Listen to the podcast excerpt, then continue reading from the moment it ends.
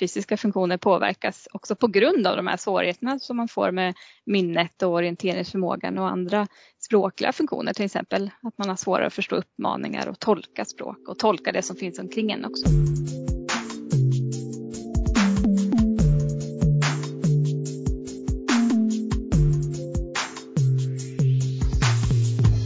Hej och välkommen till det 69 avsnittet av FoU-podden. I det här avsnittet uppmärksammar vi ett arbete som har genomförts i Nyköpings kommun. Det handlar om problem och lösningar kring förflyttningar av personer med demens. Jag som gör podden heter Lena Stenbrink och är kommunikatör på FoU Sörmland. Och med idag i det här avsnittet som spelas in via Teams är Charlotta Thunborg och Hanna Hagren Lagerlund. Välkomna! Tack! Tackar, tackar! Ni får helt enkelt börja med att presentera er lite noggrannare än vad jag gjorde. Ja, hejsan! Hanna Lagerlund heter jag och jag arbetar som sjukgymnast i Nyköpings kommun och har gjort det sedan 2007. Och för några år sedan så fick jag möjlighet att göra min magisteruppsats inom ramen för mitt arbete i kommunen. Och eh, den slutfördes 2019 så det är det vi ska berätta mer om här i podden. Det ska bli väldigt roligt att få delge de tankar och idéer som kom ur det här arbetet. Mm. Ja, och jag heter Charlotta Thunborg. Jag är sjukgymnast, fysioterapeut. Jag arbetar på Karolinska institutet för tillfället. Eh, jag var bihandledare till Hanna i den här uppsatsen och eh, Hanna byggde på mitt arbete som jag gjorde i min avhandling som ju handlade om förflyttningssituationer eh, med, tillsammans med personer med demenssjukdom i, på särskilda boenden. Mm.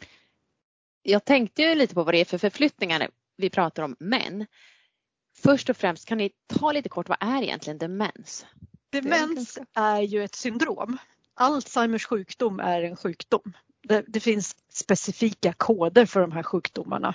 Demens är liksom samlingsnamnet för flera sjukdomar så att eh, Parkinson kan ge demenssjukdom, frontallobsdemens eh, är en demenssjukdom och Alzheimers sjukdom då, som jag nämnde är ju den största de flesta får Alzheimers sjukdom. Det är 60 procent av alla som drabbas av demenssyndromet som har en Alzheimers sjukdom. Många har en blanddemens, alltså att man har både vaskulära inslag och en Alzheimers sjukdom. Så demens är ett syndrom som ska ha pågått minst i sex månader det ska stöka till det i vardagslivet. Det ska inte vara reversibelt så att det ska liksom inte gå tillbaka. Inte bara en förvirrad period, vilket äldre kan drabbas av om de blir inlagda på sjukhuset till exempel eller genomgår en operation. Eller om man får lågt blodvärde när man är äldre eller om man har en urinvägsinfektion. Då kan man bli förvirrad. Men demenssjukdom är varaktigt och det ska störa vardagslivet så pass mycket att man inte längre kan hantera det på egen hand. Det är väl den enkla förklaringen skulle jag vilja säga. Har du något att lägga till Hanna? Ja, man kan väl också säga det att demenssjukdom är ju vanligare när man är äldre men att man kan ju också drabbas när man är relativt ung också och då ja, brukar man göra särskilda insatser för just yngre personer med demenssjukdom. Men det är ju vanligare med stigande ålder så många av dem som jag till exempel som sjukgymnast på äldre och demensboenden träffar de är ju vanligen relativt gamla då, i alla fall över 65 år. Mm. Och jag träffar i mitt jobb så träffar jag, jag är med och gör utredningar på ett, en minnesmottagning och jag träffar de här yngre patienterna som Hanna pratar om, de som är under 65. För det påverkar ju arbetslivet i många fall och ibland är det arbetsgivaren som påkallar uppmärksamhet på att det är något som inte stämmer och ibland är det familjemedlemmar. Det kan vara lite olika. Så jag är med och gör utredningar av personer som är yngre och som får en demenssjukdom. Men förstod jag rätt att det handlar mer om förvirring, alltså det är inte så mycket fysiska symptom eller är det fysiska symptom också som att man kanske ja, blir vinglig eller någonting sånt där? Man kan väl säga att många förknippar demenssjukdomen med förvirring eller att man får kanske dåligt minne eller så och det är ofta tidiga symptom. Men samtidigt är det ju så att det beror på vilken del av hjärnan som är drabbad. Så Sen är det också så att ju längre tiden går och desto mer i hjärnan som drabbas så kommer man ju också få påverkan som även är andra förmågor. Och man kanske tänker på minnet i första hand men det kan ju också handla om orienteringsförmåga eller förmågan att ja, rumsligt orientera sig, alltså sätta sig på en stol och, och förstå vad man själv är i rummet till exempel. Och sen så finns det ju många förmågor som handlar om planera och organisera sin vardag och det är också sånt som kan eh, bli tydligt i början av ett förlopp till exempel, att man inte riktigt får till att laga mat längre och sådär. Så att eh, det finns ju egentligen alla de funktioner som vi har i hjärnan kan ju bli påverkade i en demenssjukdom och det är väl också så att olika demenssjukdomar eh, yttrar sig på olika sätt. Nu sa ju Lotta då att Alzheimers sjukdom är en av de vanligaste och det är ju ofta så att den börjar kanske med minnesförlust och sådär, att man inte kommer ihåg saker som tidigare. Så därför kanske man ofta tänker så, men det är ju egentligen alla saker som vi gör med vår hjärna, vilket egentligen är allting, kan ju påverkas och därmed också många fysiska funktioner också. Mm.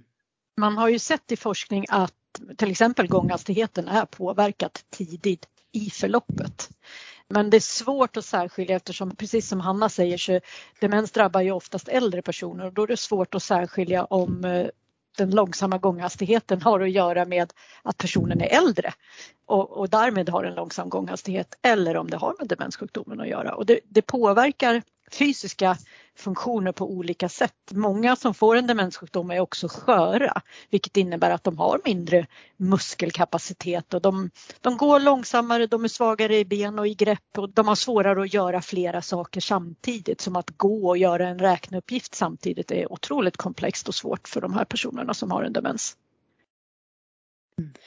Och om man sen tänker på de personer som jag ofta träffar då som bor på särskilt boende och som har kommit till det stadiet att man kanske inte riktigt klarar att hantera sin vardag och det, då ser jag ju ofta personer som är, alltså man har en, för, vi brukar kalla det för förlångsamning, att man blir väldigt långsam i rörelser.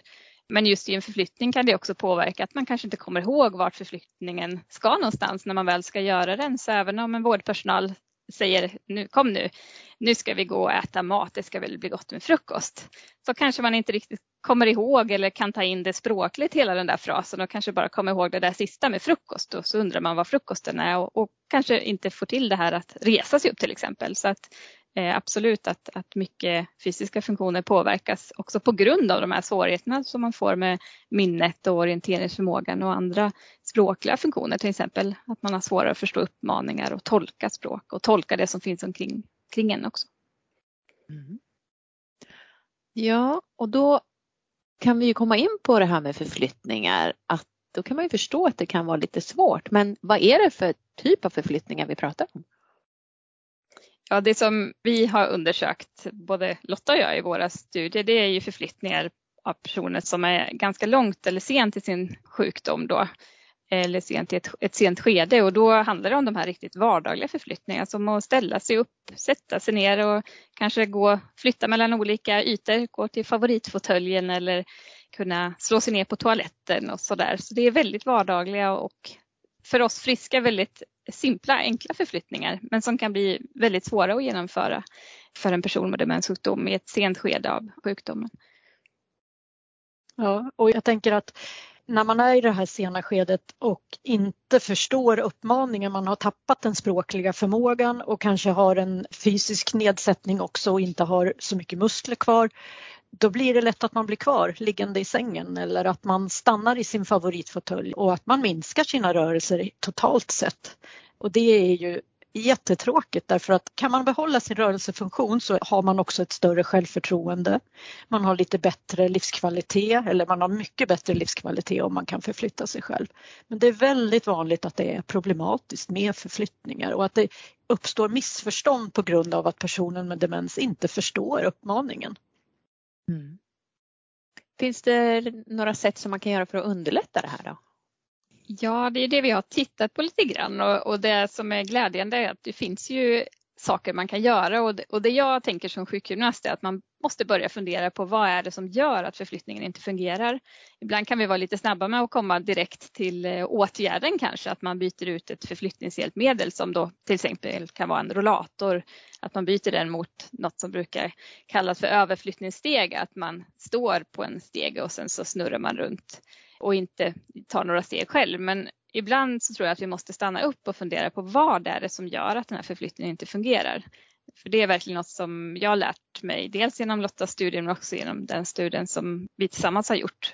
Och att det, det är möjligt att ändra hur vi som vårdare gör och faktiskt kunna påverka personer med demenssjukdom genom att vi ändrar hur vi gör och hur vi instruerar till exempel. Så eh, det är ju i alla fall väldigt hoppfullt tänker jag. Och det behöver inte bara gälla vårdpersonal som ger stöd utan även anhöriga om man eh, hjälper sin make eller maka eller syster eller bror med förflyttningar i hemmet till exempel. För de här svårigheterna finns ju även hos personer med demenssjukdom som bor i de egna hemmen. Ja, jag håller med Hanna att eh, det är just det här att man tittar på ett gemensamt förflyttningsbeteende som ju vi har pratat om.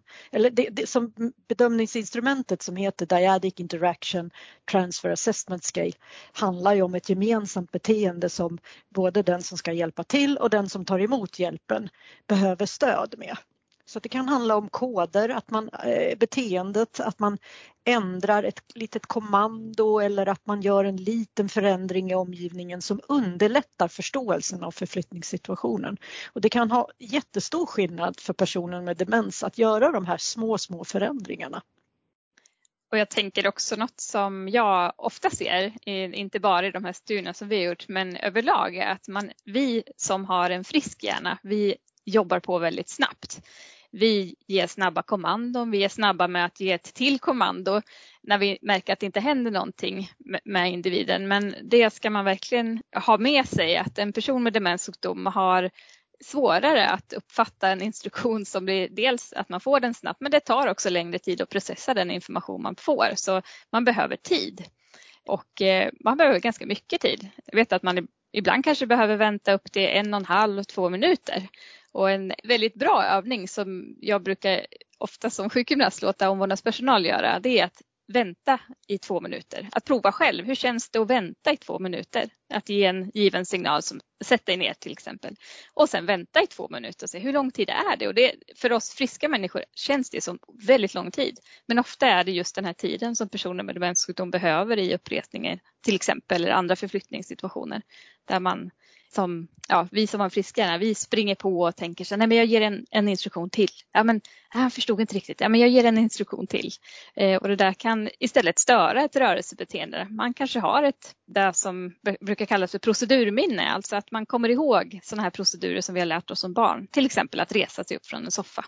Om man säger res dig och sen om man sen börjar ge fler instruktioner så stör man det där procedurminnet istället för att ha is i magen och vänta in personen och se om uppresningen sker. Men att det kan ta lång tid. Och jag tänker också i den här stressade vardagen som vårdbiträden och undersköterskor ofta lever i och arbetar i så är det ju svårt att vänta. Det är ju ett jättekomplext beteende att okej, okay, ett kommando, vänta två minuter oj, oj, oj vad jag hade kunnat hunnit med andra saker under de här två minuterna om det hade gått lite snabbare. Absolut, ja men visst är det så och det är ju också så att vi som vårdar, vi vill ju hjälpa till. Mm. och vi är ganska snabba med att hjälpa till tänker jag och det handlar om att ändra lite vårt tänk kring hur vi gör de här förflyttningarna. Och kanske ibland brukar jag prata om men vad ska man göra när man väntar då? Ska man titta på personen eller ska man titta bort eller vad, vad ska mm. man göra? Så jag har ibland rekommenderat ja, men prova att räkna till tio baklänges till exempel. Då har man i alla fall gett ganska lång tid för att eh, få den här förflyttningen att hända, att man ser att personen börjar röra sig och då först kan man komma och ge lite stöd, kanske under armbågen till exempel för att facilitera, alltså att underlätta rörelsen och ge en, en liten putt åt rätt håll. Men det där med att vänta, det är klurigt. Absolut. Ja. ja, det låter faktiskt jättesvårt. Två minuter är länge. Mm. Men det var ju ett exempel då, att man väntar.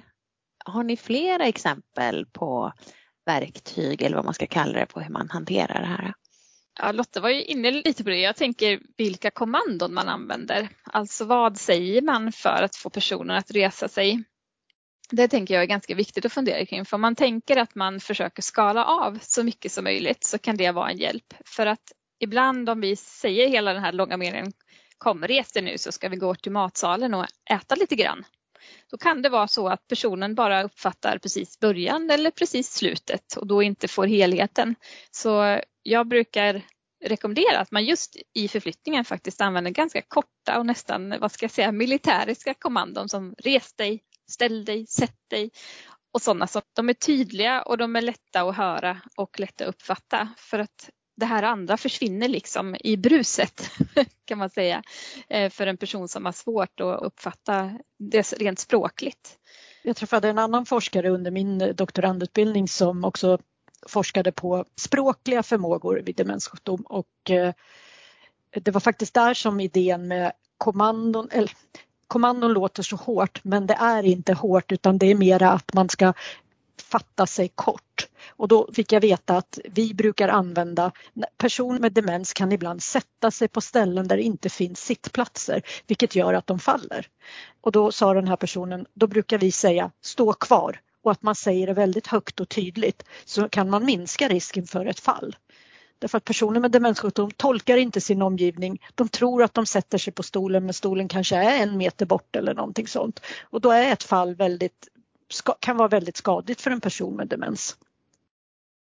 Ja men absolut och just att man undviker ordet inte brukar man prata om ibland för det blir ju lite ja, svårt att tolka eller när man säger gör inte så. Då kan man ju nästan själv känna så här oj men oh, man kanske blir lite förnärmad eller att man kan bli ja, men lite som att man säger till ett barn och det ska vi inte göra med personer som är vuxna och har en förvärvad skada i hjärnan med demenssjukdomen. Så jag brukar säga att man ska använda ord som är mer som positiva uppmaningar som du var inne på här, till exempel stå kvar, istället för sätt dig inte, för det blir liksom lite mer dramatiskt. Vi var inne lite på det Lotta, jag tänker just när man tittar på sådana här situationer hur man bedömer dem, det som sjukgymnast men också det man kan ta med sig ni som lyssnar på den här podden som inte är sjukgymnaster. Det jag har lärt mig väldigt mycket genom framförallt Lottas avhandlingsarbete och den studien som jag själv fick göra efteråt, det, det är att just betrakta den här situationen som att det är två personer som gör den tillsammans. När jag gick min grundutbildning så fick jag lära mig mycket kring att vi ska titta på patienten och hur den personen gör. Men det Lotta satte fingret på på ett fantastiskt sätt i avhandlingen var ju att införa begreppet vårdpar. Alltså att personer med demenssjukdom och eh, den person som ger stöd, alltså oftast en omvårdnadspersonal, tillsammans utgör ett vårdpar som liksom påverkar varandra och interagerar tillsammans. Så det har varit för mig väldigt användbart att tänka på det just så. Det är inte bara personer med demenssjukdom som gör uppresningen utan de gör den faktiskt tillsammans genom att man samarbetar och samverkar och hittar en bra dialog tillsammans. När andra fysioterapeuter frågar efter bedömningsinstrumentet så är det här en sak som kan vara svår att fånga upp om man inte lär sig mera om det här dyad, alltså paret, att det är ett beteende som man utför tillsammans. Förflyttning vi har ju båda gått beteendemedicinsk utbildning på Mälardalens universitet. Hanna som eh, master magisterstudent och jag i min grundutbildning.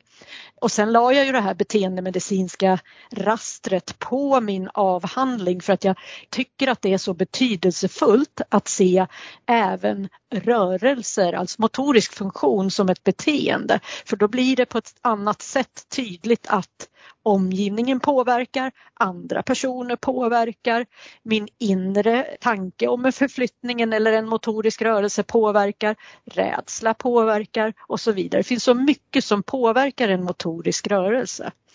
Och därför kan det vara svårt att bara dela ut bedömningsinstrumentet Dyadic Interaction in Dementia Transfer Assessment Scale, alltså DITAS, till andra fysioterapeuter som inte har bakgrunden inom beteendemedicin.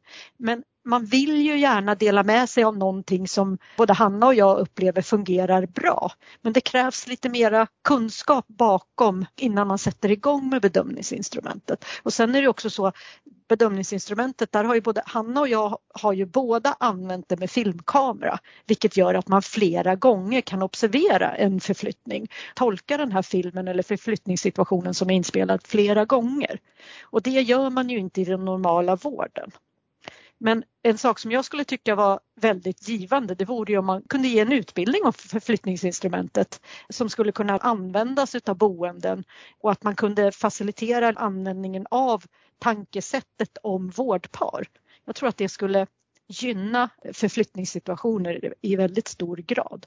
Ja men absolut, jag håller verkligen med dig. Jag har ju också använt DITAS då, om vi använder förkortningen på instrumentet, så har jag använt den även i min kliniska vardag och då använder jag ju inte filmkamera utan då brukar jag göra så att jag observerar en förflyttning. För oftast är det så som sjukgymnast att man får tillse att ja, men det fungerar inte i den här förflyttningssituationen längre. Och eh, då brukar jag dels först göra en intervju och, och, försöka kartlägga lite vad är det som inte fungerar men sen brukar jag försöka observera omvårdnadspersonalen tillsammans med personer med demenssjukdom. Och gärna då vid flera tillfällen för att något som vi kanske inte pratar så mycket om det är ju också att eh, dagsformen varierar hos personer med demenssjukdom men också formen över dagen kan man säga. Så man kan vara, ibland vara väldigt trött på kvällarna. Vi brukar ibland kalla det för hjärntrött. Då har hjärnan fått jobba på max hela dagen och sen är man ganska trött kanske på eftermiddagarna eller på kvällarna. Ibland funkar förflyttningar bättre på morgnarna och ibland kanske på eftermiddagen. Så jag brukar försöka variera tidpunkten när jag då observerar det här paret och sen brukar jag efteråt då skatta med hjälp av DITAS. Det består ju av 17 påståenden som man, och då är det 17 olika rörelsebeteenden kan man väl säga. Eller förflyttningsrelaterade beteenden, inte just bara rörelse men beteenden som är relaterade till den här förflyttningssituationen. Så det går ju att göra även utan filmkamera. Även om med filmkamera så får man ju mycket med sig på köpet då. Men eh, jag tycker det funkar alldeles utmärkt att göra även för att framförallt kartlägga vad är det som är skillnad? Vad, vad, kan skilja mellan olika omvårdnadspersonal? För oftast är det ju inte bara en person som ger stöd utan de är ju ofta en grupp som jobbar tillsammans. Ja men det är skönt att höra eftersom jag lämnade instrumentet till dig Hanna när jag var färdig med min avhandling.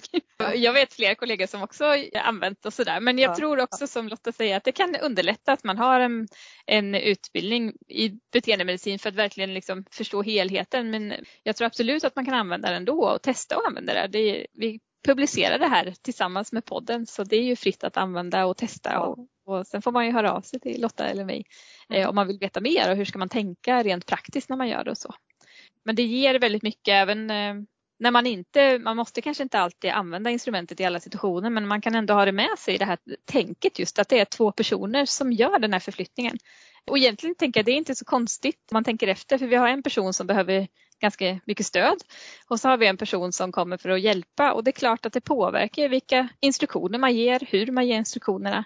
Och sen påverkar också förmågor hos personer med demenssjukdom, alltså vilken språklig förmåga man har. Vilken dagsform, är jag trött, är jag pigg?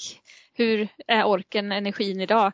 Det är väldigt många olika faktorer och det här instrumentet tittar även lite på miljöfaktorer, alltså vad finns omkring? Det har vi inte pratat om så mycket nu då, men, men det, hur ser omgivningen ut? Finns det något som stör i omgivningen. Hur är den fysiska miljön kring personen? Eh, och eh, tar också lite upp i instrumentet kring det här med risken för fall. Alltså är det en säker förflyttning? Eller finns det något som kan göra den osäker? Så den, eh, ja, den fångar in väldigt många olika områden. Och den fångar in smärta också. Det är ju en väldigt mm. viktig faktor att tänka på att personer med demens kan faktiskt ha väldigt mycket smärta.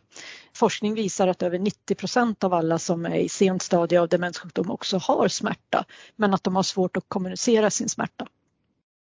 Och framförallt kanske också kommunicera smärtan på ett sätt som vi runt omkring inte förstår. Det är kanske mm. så att man istället för att säga jag har ont i min tå eller jag har ont någonstans på ett specifikt ställe istället blir mer upprörd och kanske försöker putta undan personal eller till och med försöker slåss för att värja sig och så då, i förflyttningssituation eller en annan omvårdnadssituation. Så det kan ju ibland stå för att man har smärta. Och en del kan bli ganska inåtvända kanske och de ändrar sitt beteende på ett sätt som i en frisk hjärna då hade vi ju sagt att nej men jag har ont någonstans men att man har svårt att uttrycka det så som vi andra kanske skulle gjort och så som omvärlden kan uppfatta det. Det låter ju jätteviktigt att eh, försöka göra det här på så rätt sätt som möjligt. Vet man någonting om hur det påverkar individen med demens? Mår man bättre när man får göra det här när folk väntar på en så att man ska hinna reagera och, och få de här stöden som ni beskriver jämfört med om, om man kör sitt vanliga race som vårdare då? Ja, alltså jag tänker att det, det, vi är lite inne på här är ju egentligen kanske det som man brukar kalla för personcentrerad vård. Att man ska tänka utifrån den individ man vårdar och försöka anpassa sig så mycket som möjligt till den personens dagsform och vanor och ta hjälp av en kanske levnadsberättelse, hur har personen varit innan och sådär. Och för just personcentrerad vård är något som man verkligen framhåller i de nationella riktlinjerna. Och jag menar att förflyttningar och göra dem personcentrerade, alltså till exempel verkligen ta reda på hur vill den här personen få sin förflyttning eller vad funkar tillsammans med den här personen. Det är ju verkligen att jobba personcentrerat utifrån individen och där kan ju DITAS till exempel vara en hjälp men också det här att tänka kring hur skulle vi kunna göra? Vad behöver den här individen för kommandon och sådär. Och jag tänker kan vi minska alla de här andra Eh, beteendena, alltså att man kanske blir arg eller upprörd i samband med de här situationerna. Så, så tänker jag det är klart att då får man ju en, en bättre livskvalitet och ett bättre mående eh, på sikt om vi lär oss att förstå individen bättre. Mm. Jag tänker att ur ett forskningsperspektiv så är det om vi skulle försöka skatta personer med demenssjukdomsmående så är det ju att man får observera precis som vi gör ju med själva förflyttningen. Man får observera beteenden, kanske ljud eller att man får observera om personen är lugnare och så vidare. Och det här är ju komplext eftersom personer med demenssjukdom i slutskedet inte uttrycker tacksamhet utan man får lyssna, titta mäta, känna in och så finns det vissa, det finns ett skattningsinstrument eh, där man kan skatta livskvalitet för personer med demenssjukdom. Men det är ganska trubbigt och det är inte alltid det fungerar. Så att man får på något sätt använda vana vårdare och vårdbiträden och undersköterskor. De vet ju när en, när en person med demens mår bra eller dåligt.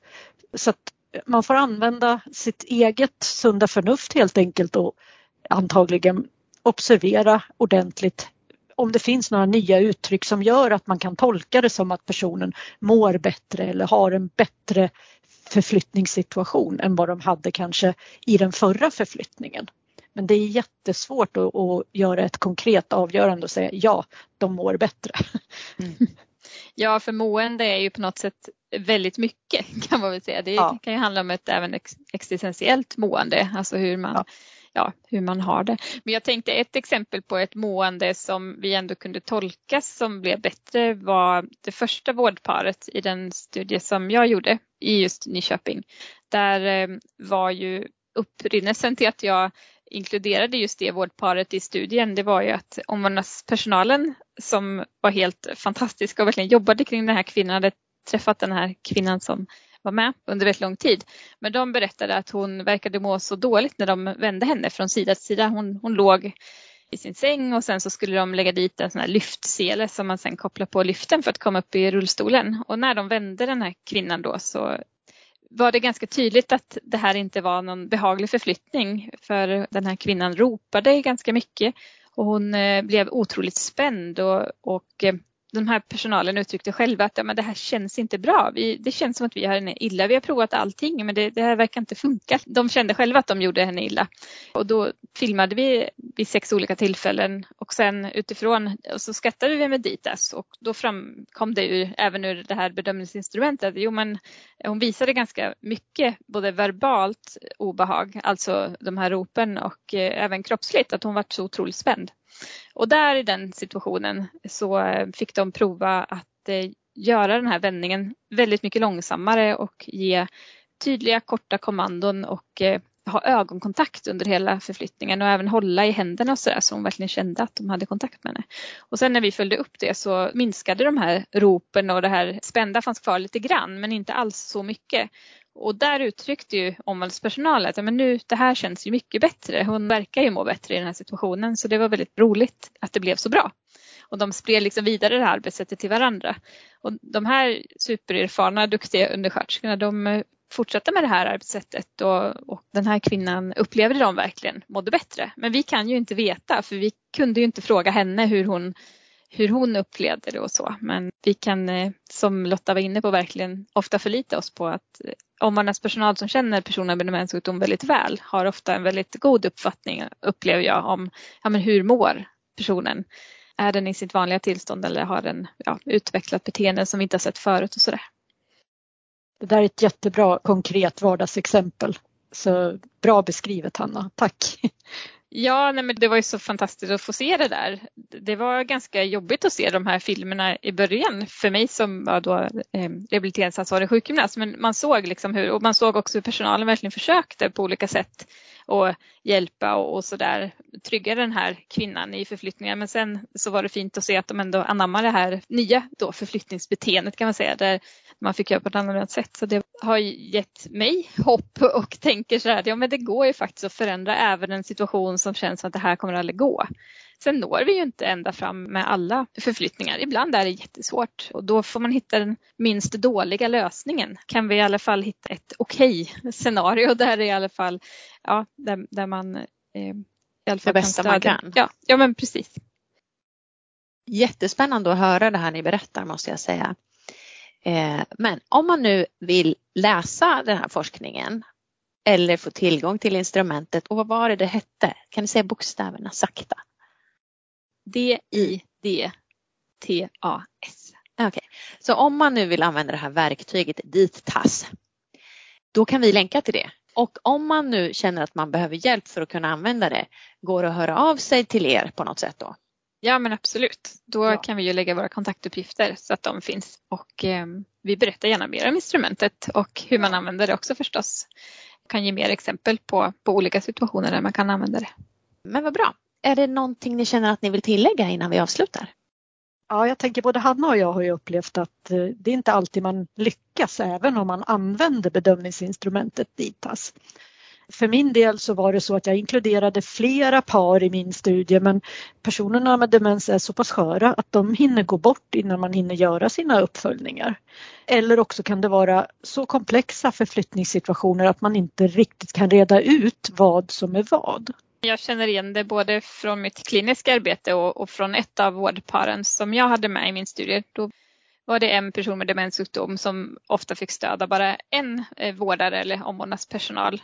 Och eh, just den här förflyttningen handlar om att sätta sig ner på toaletten och för den här personen som var med så kunde det här ta upp till sex minuter. Från att omvårdnadspersonalen gav instruktionen så innan den här personen hade förstått vad hon skulle göra så hade den här tiden gått och där provade vi en intervention eller en åtgärd då som handlade om att ändra miljön och anpassa lite hur personalen gjorde. Det handlade också lite om instruktioner men också vi anpassade handtagen på toaletten för att ett av bekymren var att den här kvinnan höll fast. Det har vi inte pratat om tidigare men det kan också vara något som ofta händer i en förflyttningssituation. Att personer med demenssjukdom grabbar tag i någonting, kanske en personal eller en möbel eller i det här fallet då handtagen på toalettstolen och släppte inte det utan fastnade liksom i sin rörelse. Och just det här kan ibland, tänker jag, beror på rädsla. Alltså att hålla fast i någonting är ju något som ändå ger trygghet och sådär. Och det var lite svårt att veta vad det stod för just i den här situationen men de fick pröva och, och fälla upp ett handtag och, och göra lite annorlunda. Men där kunde vi inte se att det var någon direkt förbättring egentligen för just den här vårdparet. Och då hade det egentligen varit bra att prova fler åtgärder.